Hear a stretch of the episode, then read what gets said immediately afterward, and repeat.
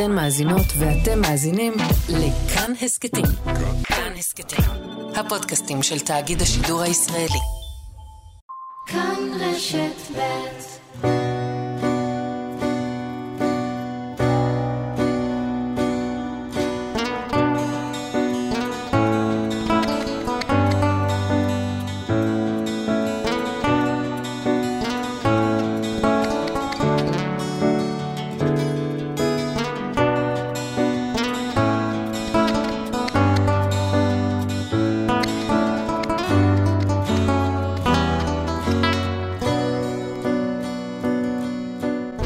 שבת שלום, מאזינים יקרים. לא יודע מה איתכם, אבל אני סובל מהתמכרות קשה לשידורי המונדיאל, וכבר קצת חושש מהיום שאחרי. מה אעשה? בלי כל העושר המתגלגל הזה, בלי הריקודים של ברזיל, הזריזות של היפנים, התהייה האם מישהו מהשניים, מסי או רונלדו, יזכה להניף את הגביע במונדיאל האחרון שלו. פעם בארבע שנים יש מונדיאל, והוא מזמן לנו התבוננות כפולה. גם על מה שקורה עכשיו במגרש מול העיניים שלנו, על השערים וההחמצות והקהל, אבל גם התבוננות אחורה, בזמן, אל המונדיאלים הקודמים. איפה היינו כשברזיל הפסידה לאיטליה של פאולו רוסי ב-82? עם מי ראינו את הגמר של 98? מה היו המשאלות שלנו אז וכמה מהן התגשמו? שני האורחים שלי היום הם אנשים מתבוננים. דני דבורין, השדר האגדי, מתבונן במשחקי כדורגל כבר יותר מ-50 שנה ומתאר לנו אותם. נבקש ממנו שייקח אותנו אחורה בזמן לרגעי הפנתיאון שלו מהמונדיאלים השונים, ונגלה בין השאר איזה משחק אימא שלו לא הסכימה שיסקר, ולמה. תומר היימן, הבמאי הדוקומנטרי, מתבונן דרך עדשת המצלמה בגיבורי הסרטים שלו. אביב גפן, אוהד נהרין, יונתן אגסי, ועכשיו גם אורן לוי, נער פנימייה כובש שעומד במרכז הסרט החדש "אני לא".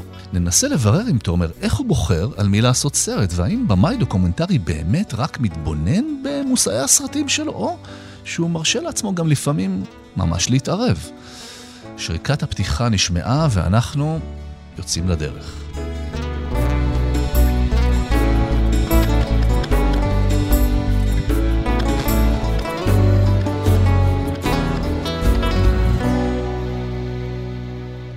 הוא שידר מכל המונדיאלים שהיו בין 1966 ל-2010, הוביל במשך שנים את התוכנית שירים ושערים.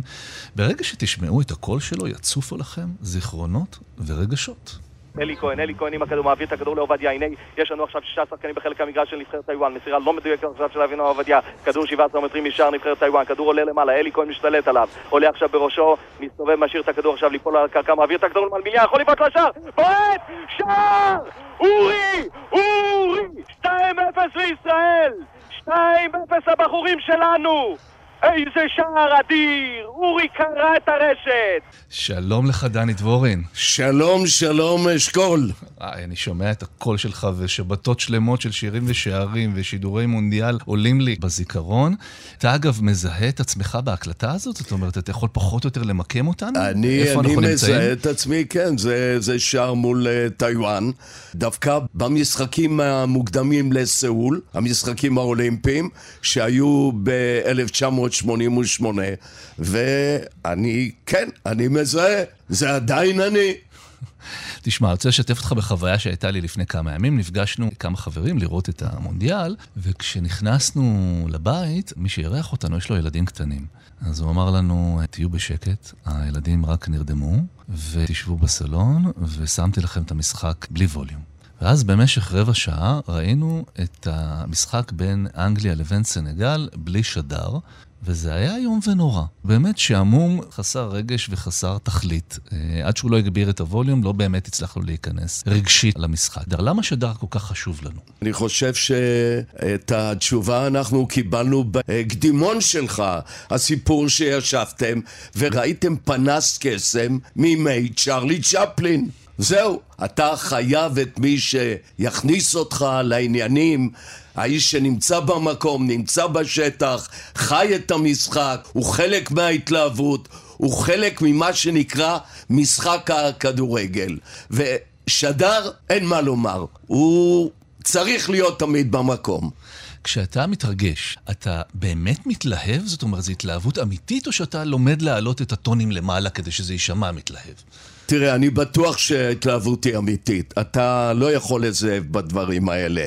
או זה לא משהו מכני קר. אתה נכנס למשחק, אמנם אנחנו לא מפקיעים שערים וגם לא שוערים שעוצרים בעיטות לעבר השער, אבל אם אתה מגיע ואין לך את האנרגיות ואתה לא מגיע דרוך כמו אצן של מאה מטרים בגמר האולימפי, אז uh, אין לך מה לחפש. שדר צריך להיות עם אנרגיות, צריך לבוא טעון בכל מאת האחוזים. אחרת הוא לא שדר.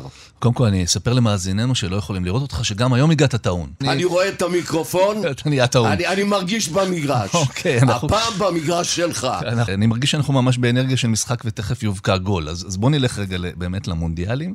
ואני רוצה לשאול אותך, באחת מהשיחות ש, שנערכו איתך לקראת התוכנית, אני קראתי סיפור יוצא מן הכלל על אימא שלך, שהתנגדה לזה שתלך לשדר משחק. על איזה מונדיאל אנחנו מדברים ולמה היא התנגדה? קודם כל זה לא לשדר, אלא לכתוב על אותו משחק.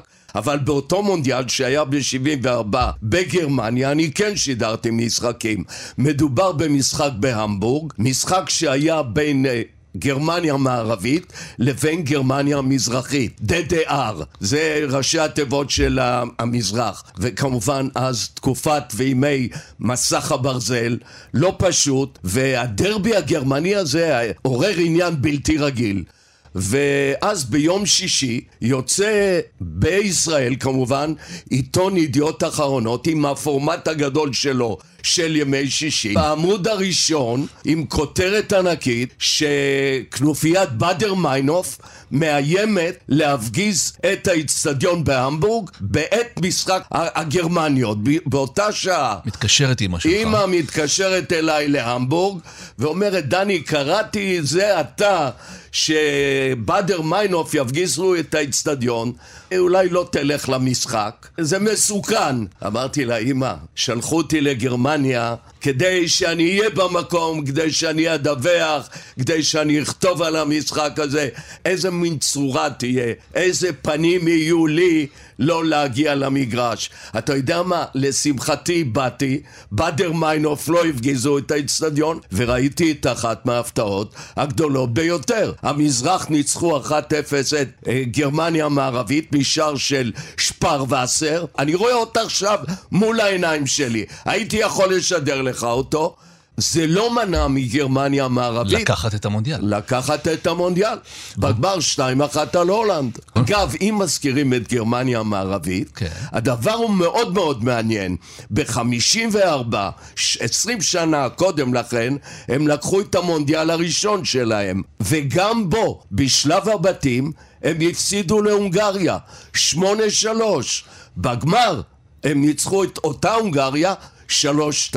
טוב, אני רוצה ללכת איתך למונדיאל של 82. אני מבין שפלא התיישב לידך במטוס? פלא שאנחנו מייחלים עכשיו לבריאותו? זה נכון, אתה יודע, לפעמים קורים ניסים. כמו שאני אומר שכדורגלן צריך להיות במקום הנכון, בזמן הנכון, כדי לקבל את המסירה, לגלגל את הכדור פנימה לרשת. אני עולה על מטוס, טיסת פנים, בספרד, מברצלונה לאליקנטה, לבית שבו שיחקה נבחרת ארגנטינה, שהגיעה ב-74 כאלופת עולם, ואתה יודע, מטוס יחסית קטן, מחכים, מחכים, כולם כבר יושבים, לא יודעים למה הטייס מתעכב, ואז לפתע פתאום אנחנו רואים בפתח המטוס את פלא הגדול, עולה ומתיישב בכיסא הסמוך אליי. ואני אומר לטכנאי שלנו, תן לי את המיקרופון, אני מסתובב כך לצד שמאל, פונה לפלא ואומר לו, פלא, כל ישראל וזה, עד שהמטוס ממריא, אפשר לעשות uh, רעיון? הוא אומר לי, כן. ואז אני מראיין את פלא במטוס, איך שנגמר הרעיון, רעיון של 6-7 דקות, פתאום מחיאות כפיים לא נורמליות, ואני רואה שהמון אנשים מאחוריי התקרבו כדי לראות את הרעיון. זה קורה פעם ב- במיליון שנה. כן, פעם בקריירה. כן. הזכ... תשמע, הזכרת לי את המונדיאל של 82. אני חושב שזו הייתה הטרגדיה הספורטיבית הראשונה שחוויתי בתור ילד, אני הייתי בן 11.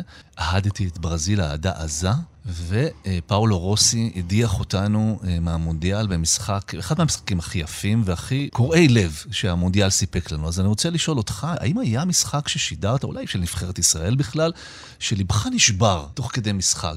האמת שלא, כיוון שאני, בהגיעי אל המיקרופון, אני משתדל לא לראות נבחרת אחת כמועמדת ונבחרת אחת כנבחרת קטנה יותר. ולכן גם אם יש הפתעות, וכמובן שישנן הפתעות, ואני מתייחס אליהן, ליבי לא נשבר. אבל מה עם נבחרת ישראל שכל הזמן אה, נבחרת ישראל, מאכזבת אותנו? זה סיפור מאוד מאוד uh, מעצבן, כמי ששידר בכל ישראל 42 שנה. תמיד היו התקוות, תמיד היו הציפיות, אבל איכשהו ישראל כמו ישראל בכדורגל, תמיד, איך אנחנו נהגנו לומר, חסר גרוש ללירה. לא הצלחנו, הגענו כמעט סמוכים לבאר, לא הצלחנו לשתות. יש בעיה בתפיסת עולם הכדורגל, תראה את יפן. בעבר, יפן הפסידה לישראל. אני זוכר משחק ששידרתי ברמת גן, כשישראל מנצחת את יפן ארבעה אחת. איפה הם היו ואיפה אנחנו. הם הגיעו עד לשמינית הגמר, וישראל עדיין מ-70 מחפשים את המטמון. נקווה שבימי חיינו עוד נמצא את המטמון. הלוואי, אני, אני אוהד גדול, או אוהב גדול של uh, הנבחרת. אבי, זכרו לברכה, לוניה, היה כדורגלן בנבחרת ארץ ישראל, ושיחק במשחק הניצחון הראשון שלה בהיסטוריה. אחרי ארבעה הפסדים, תחת השם ארץ ישראל, היא ניצחה חמש אחת את לבנון. גדלתי בבית של כדורגל, בית שהנבחרת והדגל חשובים לו. ما, מה היה תפקידו בנבחרת, במערך? הוא שיחק uh, בעמדת ההגנה כמגן, אבל uh, למען האמת, פרט לשוער, הוא שיחק בקבוצתו בית"ר תל אביב בכל התפקידים, בכל העמדות. תגיד, איך, איך שדר לומד את כל השמות של השחקנים ולא טועה במגן ובמחליף ובנבחרות שמציבות אתגר? של שמות. של שמות, כן. יש, יש שמות קשים, אתה יודע, אבל uh, אני שידרתי בצ'רלטון לא מזמן, כשזהבי שיחק בסין, שידרתי שלוש עונות וחצי שלו בליגה הסינית של קבוצתו, גואנגז'ו ארנדף. Rich and Force. וידעת את כל שמות השחקנים. ולמדתי בעל פה את שמות השחקנים אה, הסינים. יום אחד אה, בביקור שלו בישראל הוא אמר לי, דני, אתה יודע, אתה מכיר את שמות השחקנים של הקבוצה שלי טוב ממני. חייכתי. איזה יופי של סיפור שאתה מכיר את שמות השחקנים בקבוצה של זהבי יותר מאשר זהבי מכיר אותם בעצמו. רוצה לחזור איתך למונדיאלים, הבטחת לי סיפור על 1998. מונדיאל עם גמר שאולי עתיד לחזור על עצמו, מי יודע. זה בהחלט נכון, אני, אני אכן חושב, ואולי אה, זו שאלה שלך, בהמשך הרעיון, אני חושב שברזיל וצרפת אה, ייפגשו בגמר. לדעתי צרפת תהיה אלופת העולם, אבל אתה יודע, פעמים רבות אני נכשל בניחושים שלי, אני לא אוהב את המילה הימורים, מי יודע מה יהיה גם הפעם. עכשיו אם לחזור ל-1998, הגמר הוא כמובן בפריז, בין ברזיל לבין צרפת, צרפת אה, ניצחה 3-0, אבל יומיים קודם לכן התברר לי שבאותו ערב תהיה הופעה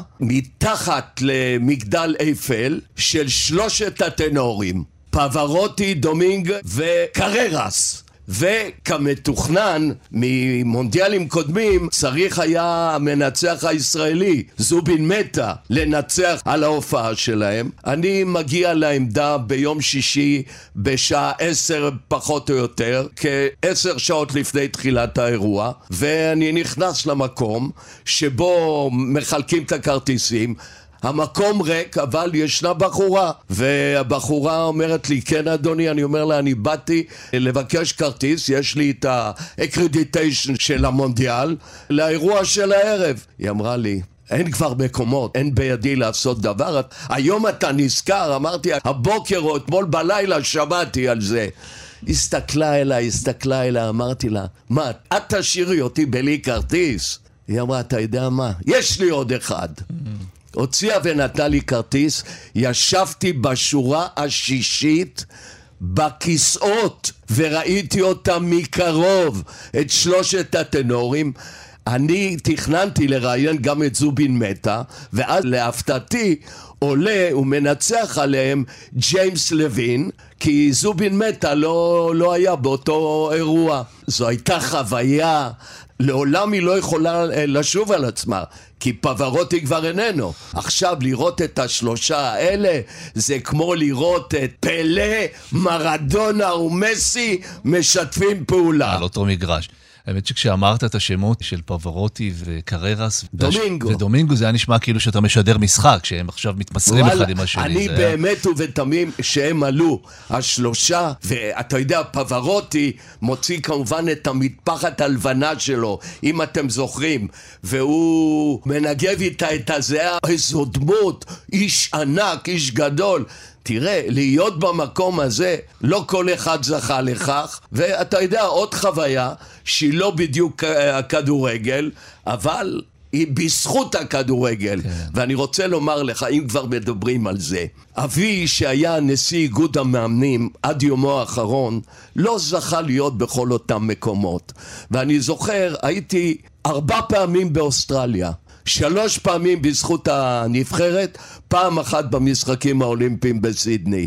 והלכתי ערב אחד לקונצרט באופרה של סידני, עם המבנה כן. המוכר שלה. בית הקונכייה. בית הקונכייה. שלוש קונכיות, נדמה לי, אחת על השנייה, על, אה, על חוף הים.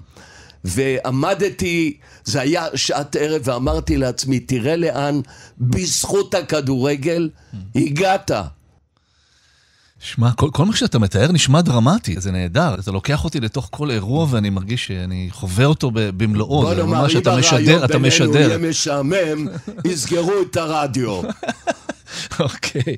אני רוצה לשאול אותך כמה אה, ככה שאלות אה, מהירות במסגרת השאלון המהיר שלנו. כבר גמרנו את הזמן, אה? אה אתה יודע איך זה, זה יש, יש שריקת הסיום מתקרבת.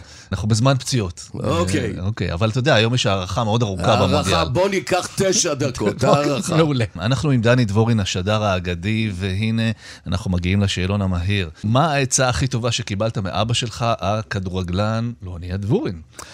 אבא אמר לי, תהיה אתה עצמך. מה זה אומר? תהיה אתה, אל תנסה להיות מישהו אחר, אל תנסה לעשות דברים שאתה לא יכול, תעשה את מה שאתה יודע, וזה הדבר החשוב ביותר. כי אם אתה מביא את מה שאתה יודע, מרגישים זאת באמצעות המיקרופון. יחד עם זאת, אני חייב לומר שבהיותי ילד, כמו רבים אחרים מתקופת שנות החמישים, אני האזנתי ברוב קשב לנחמיה בן אברהם האגדי, כי חשוב היה לי, אני זוכר שכאשר נחמיה שידר את המשחקים, אני דמיינתי לעצמי היכן נמצא הכדור, כאילו הוא צייר לי את המשחק. וזו הייתה המטרה שלי, לא לא בחיקויו של נחמיה, אלא לקחת ממנו את עצם היכולת לתאר דברים. רדיו זה קול, זה לא תמונה, זה לא טלוויזיה, והיכולת שלי השתדלתי בכל מאודי לצייר את המשחק למאזינים. באמת רציתי לשאול אותך מאיזה שדרן אחר אתה שאבת השראה, אז נחמיה בן אברהם כמובן. יש איזה שדרן בחו"ל, מישהו שאתה מקשיב לו ואתה אומר, יש שם איזה משהו יוצא דופן. תראה, אני במהלך המונדיאלים, אה, יצא לי להיות לא פעם ולא פעמיים, אם כבר אתה מעלה את הנושא הזה, ליד אריקו אמרי, שהיה גדול שדרי הרדיו של הראי, הרדיו האיטלקית. ואמרי אה, ישב אה, לא פעם ולא פעמיים לידי, ופעם אחת לאחר המשחקים, אחד השידורים, הוא אמר לי, דני, אם איטלקית הייתה שפת האם שלך, היית יכול לשדר אצלנו בתוכנית טוטו אל קלצ'ו מינוטו פר מינוטו. הווה אומר, כל הכדורגל דקה אחרי דקה. והתוכנית שירים ושערים היא חיקוי של התוכנית ברדיו האיטלקי. כדי שנבין כולנו על מי הוא אריקו אמרי, בואו נשמע הקלטה שלו, משדר משחק. Baggio riceve la palla all'altezza della linea centrale del campo, rimette in azione Giannini che scambia ancora con Baggio, una posizione di mezzo sinistro, ora si libera dell'avversario, avanza verso il limite dell'area di rigore, pronto a entrare, viene infiltrati, si libera l'avversario, tiro, rete! rete da parte di Baggio, stupenda l'azione da parte del nostro giocatore, stupenda rete della formazione italiana, è veramente ubriacante questa azione. אריקו אמרי, תותח על, שדר ענק. איזה פשלה אה, מביכה קרתה לך בשידור, ולכולם יש פשלות, לכל שדר יש פשלות, זה לא, זאת לא בושה. תראה, אני לא חושב שהייתה לי פשלה, אבל אני אומר עם שתי ידיים על הלב, לא עם יד אחת. אין שדר שלא טעה פה ושם במהלך שידור. אחרי הכל, 90 דקות של כדורגל, לפעמים 120 דקות של כדורגל, זה לא פשוט, אתה לא יכול לדייק בכל מעט האחוזים. אבל דבר אחד אני חייב לחזור ולומר, והוא גם משתמע אחד ממשפטיי הקודמים. תמיד נתתי את הנשמה. אני חושב שהייתי שדר נשמה, ונשארתי שדר נשמה. אז עם כל הנשמה, אני אשאל אותך, מי השחקן הכי טוב בעיניך בכל הזמנים? פלא. פלא. פלא גם הוא. אחרי מסי ורונלדו אתה אומר פלא. כולם היו גדולים, פלא הוא המלך. הוא השחקן היחיד שזכה שלוש פעמים בגביע העולם בכדורגל, 58, 62, 70, שלוש זכיות. שום שחקן בעולם לא זכה שלוש פעמים, אבל מעבר לכך, הוא הכדורגלן האידיאלי. במה הוא אידיאלי? מה הוא משלב? כי היה לו את הכל. הוא היה חזק פיזית, הוא היה מהיר, הוא היה נקחן פנטסטי, כדי להיות נקחן מעולה אתה צריך להיות בעל ניטור, הוא היה מכדרר מעולה, הוא היה בעל בעיטה עוצמתית, הוא חיפש את שער היריב. אם אתה מחפש את המודל של הכדורגלן המושלם, זהו אדסון ארנטס דונה שימנטו, הלו הוא פלא. שיהיה לנו בריא. על איזה שחקן בן דורנו אתה נהנה להסתכל במונדיאל הזה? מי ככה תפס לך את העין? הוא עדיין לא הגיע לסיומו, ולכן כיוון שישנם כמה וכמה שחקנים שאני רואה שהם מתקדמים ממשחק למשחק, אז עדיין אין לי את הבחירה של אותו שחקן שאני יכול לומר עליו, כמובן מסי, זה ברור, אתה רואה את הטכניקה העילאית שלו, את מסי תמיד uh, טוב לראות. אתה יודע שעל מסי אני אומר להבדיל משחקנים אחרים, גאון במוזיקה הקלאסית, לדעתי היה רק אחד, מוצרט. היו גדולים, היו ענקים, אבל גאון של כדורגל זה מסי. זה לא אומר שהוא טוב יותר ממרדונה, כי אני שידרתי את מרדונה. מרדונה הוא מרדונה. הזיכרון האנושי והתקופות והימים שחולפים קצת מעמעמים את מה שהיה בעבר. הגאון הוא מסי. למה הוא גאון? הוא גאון כי יש לו ווייס בראש. Mm. הרי הוא בחור, אתה רואה אותו ברחוב, אתה אומר, מה, זה כדורגלן? זה השחקן הכי טוב בעולם? אבל הקלות שבה הוא מבצע את הדברים האלה, יש לו איזה מחשב בראש שאומר לו היכן הוא יפלס את דרכו כדי לעבור את ההגנה. לא לכל אחד יש את זה. וכמובן, אני אשאל אותך לקראת הסיום, תחזית שלך, אנחנו נפגשים, יש לומר, לקראת סיומו של שלב שמינית הגמר, אנחנו על סף רבע הגמר, יש עוד הרבה אפשרויות פתוחות, מה אתה רואה קורה, מה אתה רוצה שיקרה? תראה, אני רוצה שכיוון שאני, שנבחרת ישראל לא נמצאת שם, אז מבחינתי תמיד אמרתי שהטובים ביותר ינצחו. אני חושב שהנבחרת הטובה ביותר בעולם היא צרפת, שהיא אלופת העולם, ואם היא תזכה פעמיים ברציפות היא תחזור על ההישג של ברזיל מ-58-62. הגוש השני שעשוי להיפגש במשחק הגמר זה הולנד, ארגנטינה, המנצחת ביניהם, או ברזיל, כלומר יכול להיות בחצי הגמר משחק ענק. ארגנטינה ברזיל. אני חושב, ברזיל בגמר, צרפת בגמר, הצרפתים יניפו את גביע העולם. איזה משחק שלא יהיה, אני בטוח שאחרי השיחה הזאת אני אשמע אותך בראש משדר אותו. זה היה תענוג, ואני מאחל לך עוד הרבה שנים של אה, שידור וגם של התלהבות. אני חושב שלדעת להתלהב זה דבר מאוד חשוב בחיים, לא רק בשידור של כדורגל. תודה רבה לדני דבורין על השיחה הזאת, וחג מונדיאל שמח אה, לכולנו. תודה רבה לך, אשכול.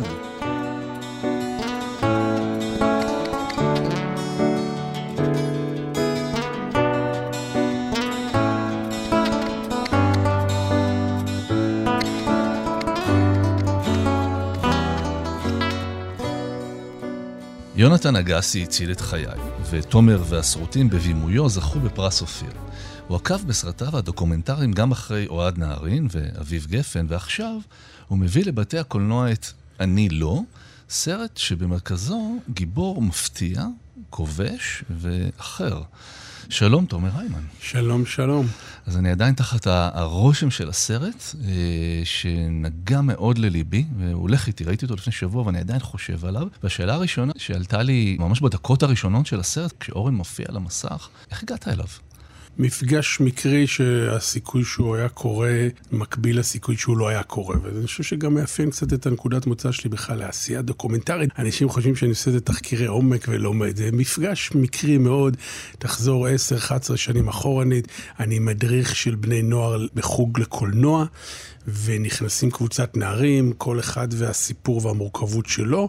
גם ככה זו סיטואציה קשה, המפגש הראשון, כי אתה צריך ככה לסמן להם, חבר'ה, אנחנו מצפים לרצינות, אתם הולכים לייצר את הסרט שלכם, ואז כרוח סערה יורד במדרגות נער, אני לא יודע מי הוא, אני לא מבין מה הוא עושה בקבוצה. הוא הגיע באיחור, הוא הגיע עם מישהו מבוגר מאחוריו, מהר מאוד עשיתי אחד ועוד אחד, זה המדריך שלו. למה נער בן 16 צריך להגיע עם איש בוגר לפגישה? כולם באים עצמאית, אנחנו לא בייביסיטר, אנחנו לא דואגים לכם, ונהפוך הוא. בהנחיה הראשית, אם מתחיל להיות בעיות משמעת ועניינים, שלום ולהתראות, זה לא החוג שמתאים לכם. אז אני שואל את המדריך המבוגר, מה, מה קורה פה? הוא אומר לי, זה נערים מפנימיית בני ארזים, זה פנימיית קצה, אלינו מגיעים, שאחרי זה אתה יכול לדמיין את האפשרויות של הנערים האלה, או אשפוזים, או בתי כלא, או מקרים גם שמסתיימים ברחוב, והם נורא רוצים לבוא לקורס הזה. הנער הזה אומר אליי, מה זה החוג המשעמם הזה? אני לא יודע, מי זה המורה הדביל הזה? אולי הוא לא אמר דביל, הוא נראה נורא זקן בכלל, אתה יודע, אני הייתי בן 40, אז לא הרגשתי כזה זקן. ואני אומר לך שצדבי אומר, לא רוצה אותו. אז התחלתם ברע בכלל. התחלנו באנטגוניזם, והסרט גם, ואני לא מתחיל בעמדה שקצת מקבילה לעמדה הראשונית, של דחייה כזאת מסוימת, של אנטגוניזם מהדמות שלך. אבל אני שואל אותו איך קוראים לך, הוא אומר לי אורן, אבל יש לי עוד שם. מה השם הנוסף? הוא לא מוכן להגיד. גם, אתה יודע, מישהו שאומר, יש לך שם ויש לו עוד שם והוא לא רוצה להגיד, וקלטתי שהוא דובר אמת, הוא לא מהתל בי. ואז הוא אומר לי, אתה לא מבין כלום מהחיים שלך. עכשיו, אתה יודע, אני לא מכיר אותך, את אשכול נבו, אבל לא באתי אליך היום לראיון באגרסיבית ואמרתי לך, כן. תקשיב, נבו, והתחלתי לקלל אותך. נראה לי, עשינו איזה small talk, שלום, זה כיף שאני מוזמן לתוכנית הזאת. אז אורן אומר לי, הם לבנים ואני שחור. עכשיו, אני נשבע לך, אני מסתכל ימינה ושמאלה, אין שם לבנים, אין שם שחורים, אני לא מבין על מה הוא מדבר. מי שרואה את הסרט, אני לא מבין. אחר כך כמובן מדובר במורכבות של להיות ילד כהור, להורים מאמצים מירושלים. ואז אני זוכר את המלחמה הפנימית בגוף, זה תדר שאחד אומר לי, שחרר אותו, ותדר אחר שאני לוקח אותו הצידה ואומר לו, לך תכתוב תסריט, בוא נראה שאתה מסוגל לעמוד בקריטריונים ובסטנדרטים של הקורס הזה, ותוך חמש דקות הוא מביא את התסריט שמסיים את הסרט, מי שיראה את אני לא עד סוף הסרט, יש שם רגע מאוד חזק ועוצמתי מהתסריט שהוא כותב. שבו הוא אומר מה הוא לא. כן, כן. ו- וזה מהתסריט שלו. ואז הדרך שהוא מדבר איתי, יש בה איזו מודעות עצמית נורא גבוהה במקביל לאגרסיביות. יש שם איזה סרקזם ואיזו אירוניה עצמית, יש הומור. ואני אומר לו, אז יאללה, תבוא גם שבוע הבא. ככה מתחיל המסע. איך בעצם אתה מחליט לעשות עליו סרט? אתה מסתובב בעולם, אתה אדם מתבונן, אתה רואה הרבה אנשים. איך מגיע הרגע שבו אתה מחליט לעשות סרט על מישהו, ואז גם האם צריך לבקש רשות? אז אתה חייב לקבל אישור במיוחד, שבמקרה הזה אה, אורן לוי בזמנו הוא נער בן 16, 15 וחצי, אז כמובן שצריך את האישור שלו, צריך את האישור של ההורים שלו. אני קופץ רגע למפגש עם ההורים, ואחרי זה אני אחזור לאורן, כי אני צריך גם את האישור של ההורים שלו, ואז אני מבקש להיפגש איתם, די מהר אחרי חודש שהכרתי אותו. הוא אומר לי, אז תלך לפגוש אותם לבד, אני לא בא לפגישה. אני אומר לו, אורן, אני צריך אותך, למה שהם יסכימו לתת לאיש זר איזשהו אמון כזה גדול למפקידים, הם מפקידים את סיפור חייהם בידיים שלי. זה אקט מאוד קיצוני. אתה מכיר את זה מהספרים שלך, ולך יש עוד חופש וחירות שאתה לא תלוי לקבל אישורים. כן, זה לא אנשים אמיתיים, זה פה זה אנשים אמיתיים עם פגיעויות. עם פגיעויות, רגישויות, כאבים, מורכבות. אז הוא אומר לי, קח את הטלפון, אני מתקשר אליהם, הם משתפים פעולה והם הולכים לפגוש אותי בתל אביב. אני מביא איזה בחורה שעובדת איתי בשם טלי שמיר ורצברגר, תחקירנית מדהימה ואשת חינוך. ואני מתחיל את השיחה הכי בעדינות, כי אני רוצה ליצור אמון, אני צריך את ההורים האלה איתי. ואני אומר להם בסך הכל משפט פשוט, אני מת על הילד שלכם, יש לו מלא בעיות, לפעמים הוא, הוא קשה, אבל הוא חכם, הוא חד, ואני ממש ממש רוצה לתת איתו למסע. והם מסכימים ישר? הם מתחילים לבכות. משפט וחצי שמכיל את האהבה שלי לאורן, אבל עם איזה כמה נקודות אה, תורפה באישיות הם, שלו. הם בוכים כי מישהו רואה מה יפה בו? אני ברגע של פדיחה, אני מסתכל על טל, ברור שעשיתי טעות. אז אני אומר להם, תקשיבו אהוד ודבורה, אני מתנצל מה אמרתי שפגע בכם, כי באותו רגע שניהם בשפת גוף מסתובבים ולא מדברים חמש דקות בגלל דמעות, ואז הם תופסים את עצמם וחוזרים חזרה לשבת אחד מול השני. ודבורה אומרת לי, אתה דיברת על הבן שלנו? ואהוד מוסיף, אתה דיברת על אורן, אורן זה, אני אומר להם, אורן, מתאר את אורן, אורן היה מחומצן שיער, ויש לו כמה אפיונים שאפשר נורא לזהות אותו. ואני לא מבין, אני לא מבין מה הם רוצים מהחיים שלי. ואז אחד מהם אומר לי, אתה יודע, אנחנו שנים, אנחנו לא זוכרים שדיברו באופן חיובי על הבן שלנו. אתה מבין, יושבים שני ההורים האלה, ובעצם מה הם אומרים לי? בואנה, אנחנו שנים לא שומעים שום דבר חיובי על הבן שלנו. זה בום ללב. זה בום ללב בכל מקרה, אז עוד לא הייתי הורה. אתה יודע, אני קופץ בזמן, והיום הנה עם ילדים, אז כאילו... אז אתה מבין את הכוח של זה. בטח, כאילו, אני הייתי היום בשיחה עם המורה של אחד הילדים, רצינו להבין משהו, וקיבלתי המון המון מסרים חיובים על הילד. הלכתי הביתה גאה ושמח, ואני מת על הילד הזה, ועוד יותר הלב התפוצץ לי. אז לשמוע הורים שלא מאמינים שאפשר להגיד משהו חיובי על הבן שלהם, זו נקודה מאוד מאוד פצועה וכואבת. יש משהו בהורים, הם ממש דמויות מרכזיות בסרט, והאופן שבו אה, מוצגת ההתמודדות שלהם והמוכנות שלהם ללכת לתוך המאבק היומיומי בלהיות עם אורן ובללוות אותו, יש בו משהו מעורר השראה, ומה שאני רוצה לשאול אותך זה, האם בכל זאת היה במהלך התהליך, זאת אומרת, גייסת אותם לתוך התהליך של הסרט, האם היה במהלך התהליך הזה רגע שבו הם אמרו, עד כאן, או זה קשה לנו, או בוא אל תיכנס לשם. זה, זה כל הדברים שאתה אומר, אין סתירה. היה קשה להם, הם לא כל כך הבינו מה זה מהלך דוקומנטרי, היום הם יכולים לתת מאסטר קלאס על מה זה להיות אה, בצד השני, אובייקטים או דמויות שמצולמות. הם חשבו שנבוא ליום-יומיים, יהיה ראיון ארוך של כמה שעות, יספרו את סיפור חייהם וילכו הביתה, הם אומרים לי את זה עד היום. זה הציפייה.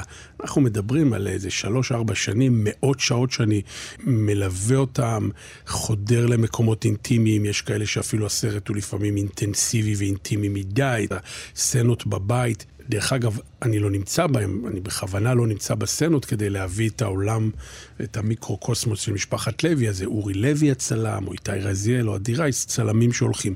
אבל למה אני אומר לך את כל זה? הם אמרו לי משפט נורא יפה, שגם דרכו אפשר להבין את העוצמות של האנשים האלה.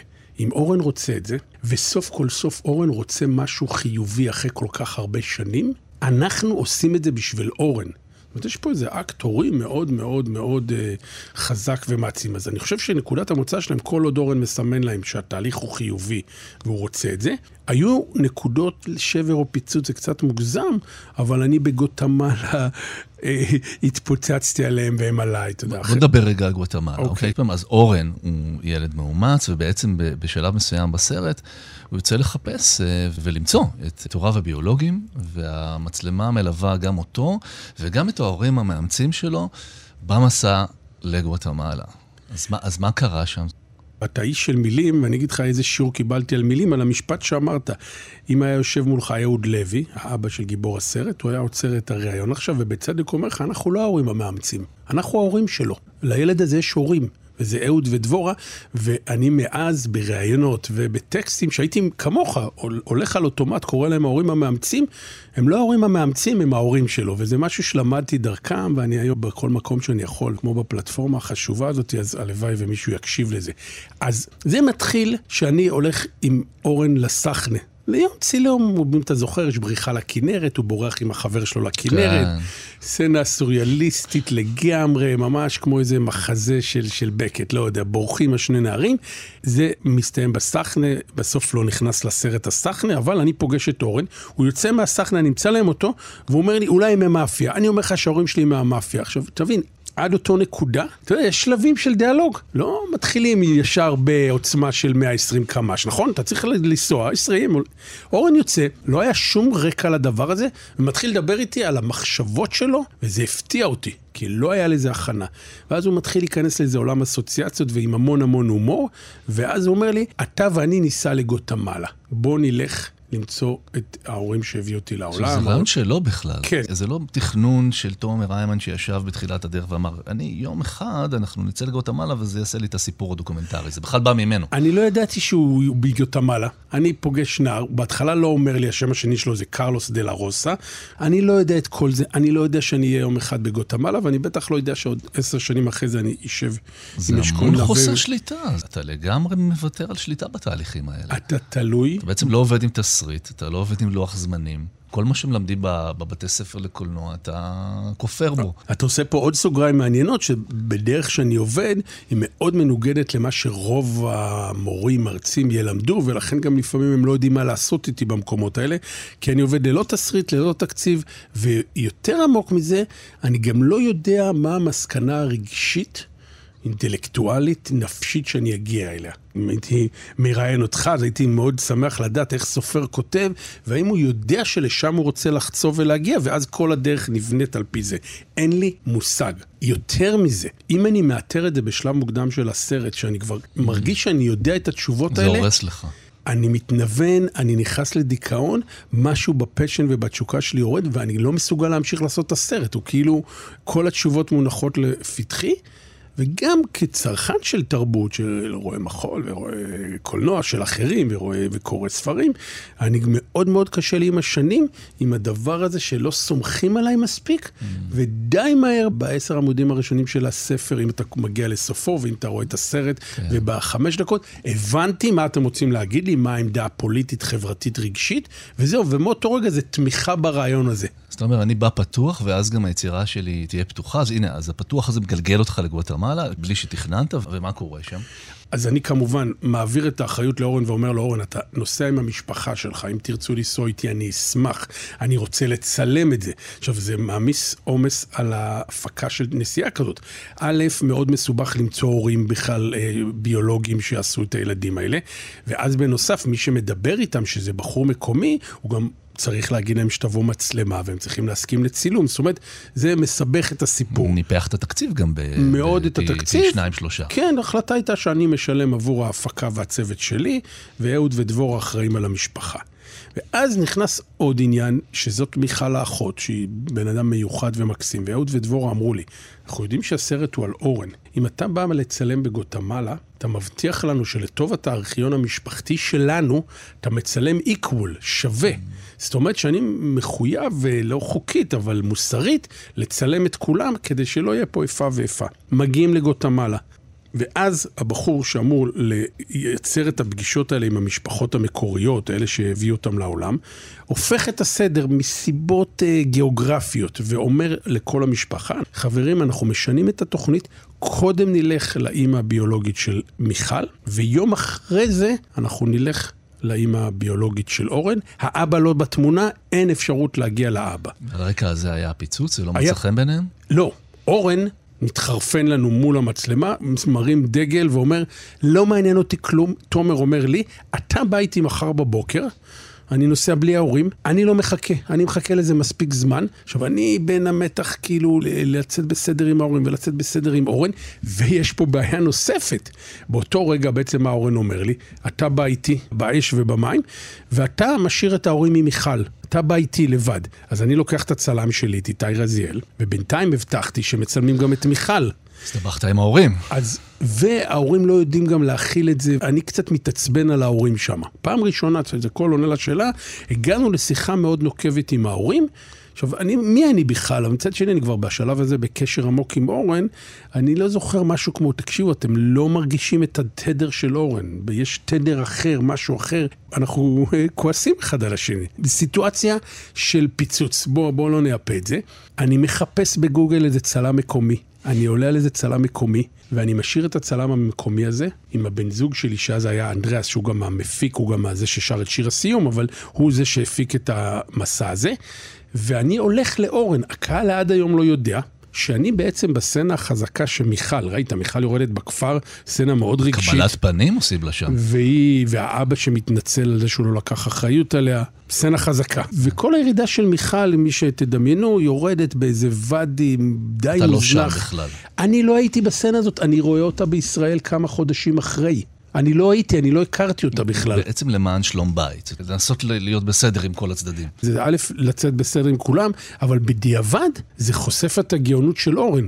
אורן, בזכות ההתעקשות שלו, שהוא הולך לבד לפגוש את אנרקיטה שהביא אותו לעולם, שם הסצנת עם מילים, שקט, עומד הילד הזה, לא משחק את חוקי המשחק הדרמטיים הרגשיים שאנחנו מצפים, עומד מול האילם, עושה לה לב בידיים, הם לא יודעים את השפה אחד של השני, במקביל מיכל בסופר דרמטיות אמוציונליות. מי שסיפק את הרגע, את הבימוי של זה, זה אורן לוי בדיעבד. זאת אומרת, אני נותן לו פה קרדיט של בן אדם, כמו שהוא אחראי על השם של הסרט, שאולי נגיע לדבר על זה, מי שבחר את השם זה הוא. אז אורן, לא מתוך טובת הסרט, אלא מתוך הרצון שלו ללכת עכשיו, כאן ועכשיו, ייצר לי את הדבר הדי חזק הזה של שתי אופציות, איך אתה מגיב רגשית למצב אה, מסובך בחיים. אוקיי, okay, בוא נדבר באמת על השם של הסרט, זה ככה גם יגלגל אותנו לתוך השאלון המהיר, אז נתחיל מלשאול באמת על אני לא, אני לא זה אומר אני לא נענה להגדרות בעצם. אני חושב שזו אחת מהתמות המרכזיות של הסרט, האם אפשר להגדיר מישהו, לתת לו תווית, ואני חושב, אני מסתכל על כל הפילמוגרפיה שלך, דמיות הנגסי, ומהסרוטים שהיו עם תומר, ואוהד נהרין, ואביב גפן, אז רק אני רואה פה את הקו שמחבר, שאתה נמשך לאנשי ה"אני לא"? אף אחד לא אמר לי את זה עד עכשיו, שכאילו כולם זה אנשי אני לא, אז אני תוך כדי, אתה יודע, פה מחייך, מרים גבה ולומד את מה שאתה אומר לי, כי אני לא עושה אה, את החיבורים האלה. אני בכלל חושב שיוצרים, אומנים עצמם, במים, עדיף כמעט שלא יסתכלו על היצירות שלהם, ינתחו אותם, יחשבו עליהם ויבינו אותם. כי זה התפקיד של, של מישהו אחר ברגע מסוים. אז אני אמשיך עוד ואני אפילו אחריף את העניין ואני אגיד, אתה לא התקבלת לסם שפיגל, לא. ונדחית מאוניברסיטת תל אביב. ו- ואתה אומר, קשה, קשה להזמין אותך ללמד, כי אתה לא עובד לשום שיטה, עושה סרטים על אנשים שהם תמיד בעצם לא לפי החוקים, או לא לפי ההגדרות. כשאתה אומר את זה עכשיו, כן מסתדר לי עם זה שכנראה באיזה אינסטינקט, אני כן אמשך לאנשים שהם מחוץ ל- ל system. זאת אומרת, לא משחקים את חוקי המשחק הקיימים. צריך להיות במשהו מתריס ומורד. זה מעניין אותי, אני לא צריך להתאמץ כדי להרגיש קרוב אליהם. אתה יודע, זה לא מאיזה עמדה כזאת, בוא נחפש את המיוחד והשונה. סרוטים, אתה יודע, התחברתי אליהם עכשיו. עם הסרוטים, אני בא אליהם כמישהו שהוא בארון, כאילו מולם, מדריך הומו, ואני שומע אמירות הומופוביות קשות, ובסוף אני כן אומר להם, היי, אני הומו, ויש שם סצנה אחרי 27 דקות, ואז הם מתגלים במלוא יופיים והדרתם, ומקבלים אותי מדהים, ושיעור שפתח לי את הראש ואת המוח. ואחר כך זה גם ממשיך לסרט שאתה לא מציין פה, שהוא מבחינתי מאוד דומה למה שאתה מתאר, זה ה Paper Dolls.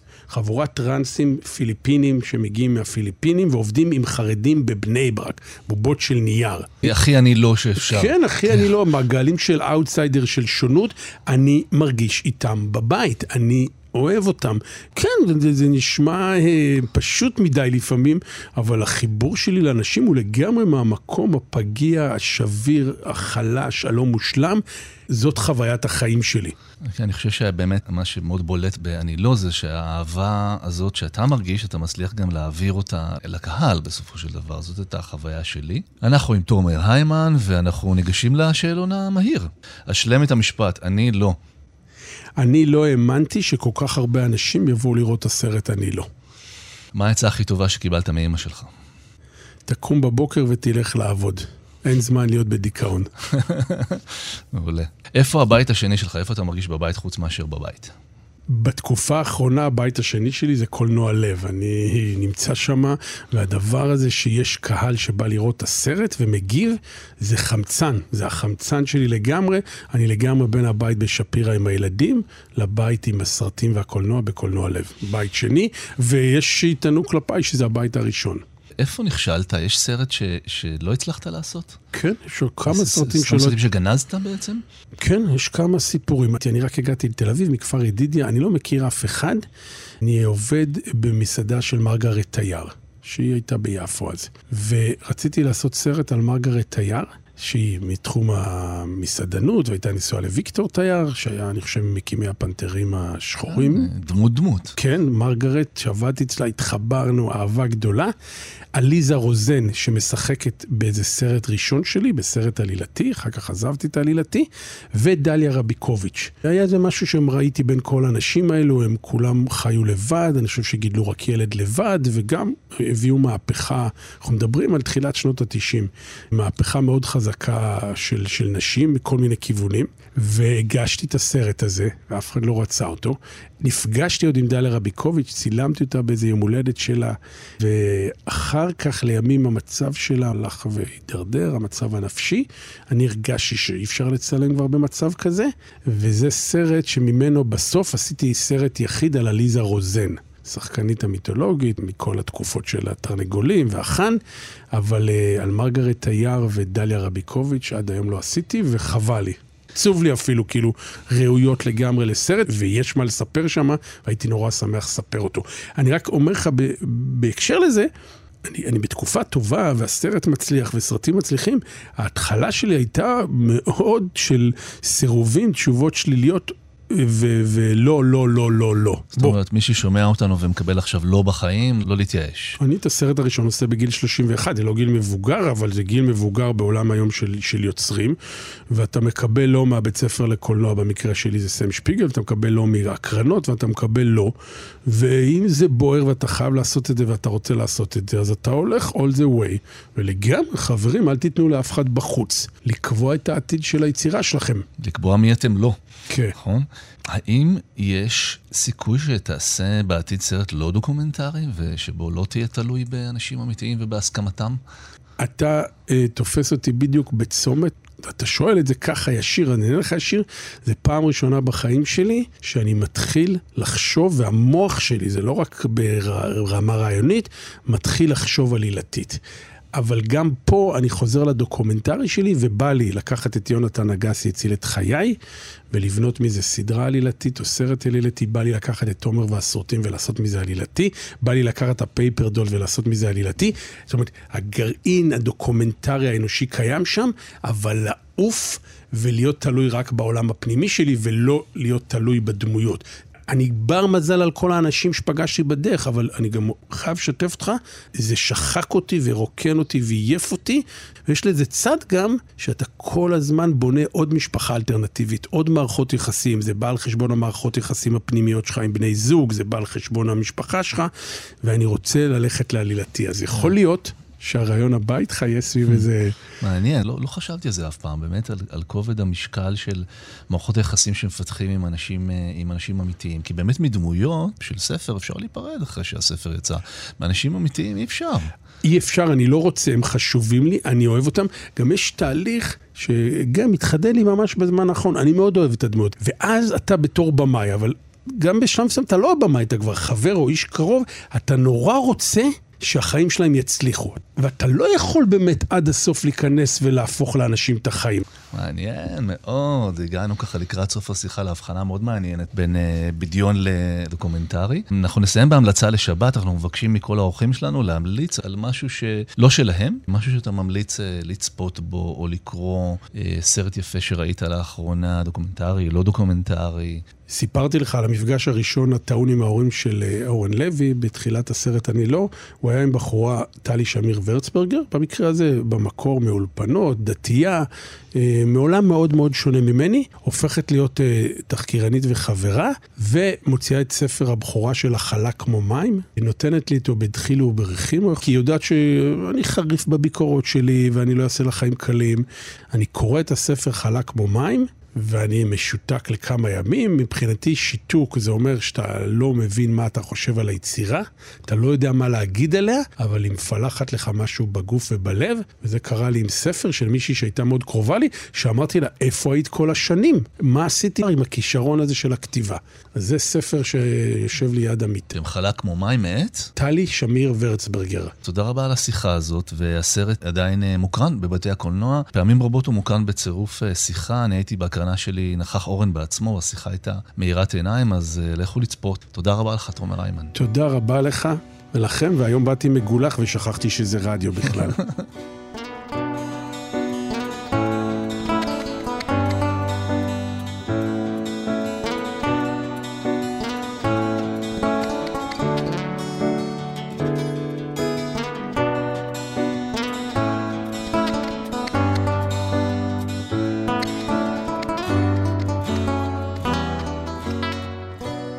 שונים מאוד זה מזה היו שני האורחים שלנו היום. ובכל זאת היה גם משהו שמשותף לשניהם, איזו התלהבות כזאת ותשוקה למה שהם עושים. אה, אז אני מאחל גם לכם, מאזיניי היקרים, להתלהב ולהיות מלאי תשוקה למה שאתם עושים. אני רוצה להודות אה, לדני דבורין ולתומר היימן, האורחים שלנו, לקובי בז'יק על הביצוע הטכני, לאיילת דוידי, העורכת, המפיקה והתחקירנית של התוכנית. נשתמע בשבוע הבא.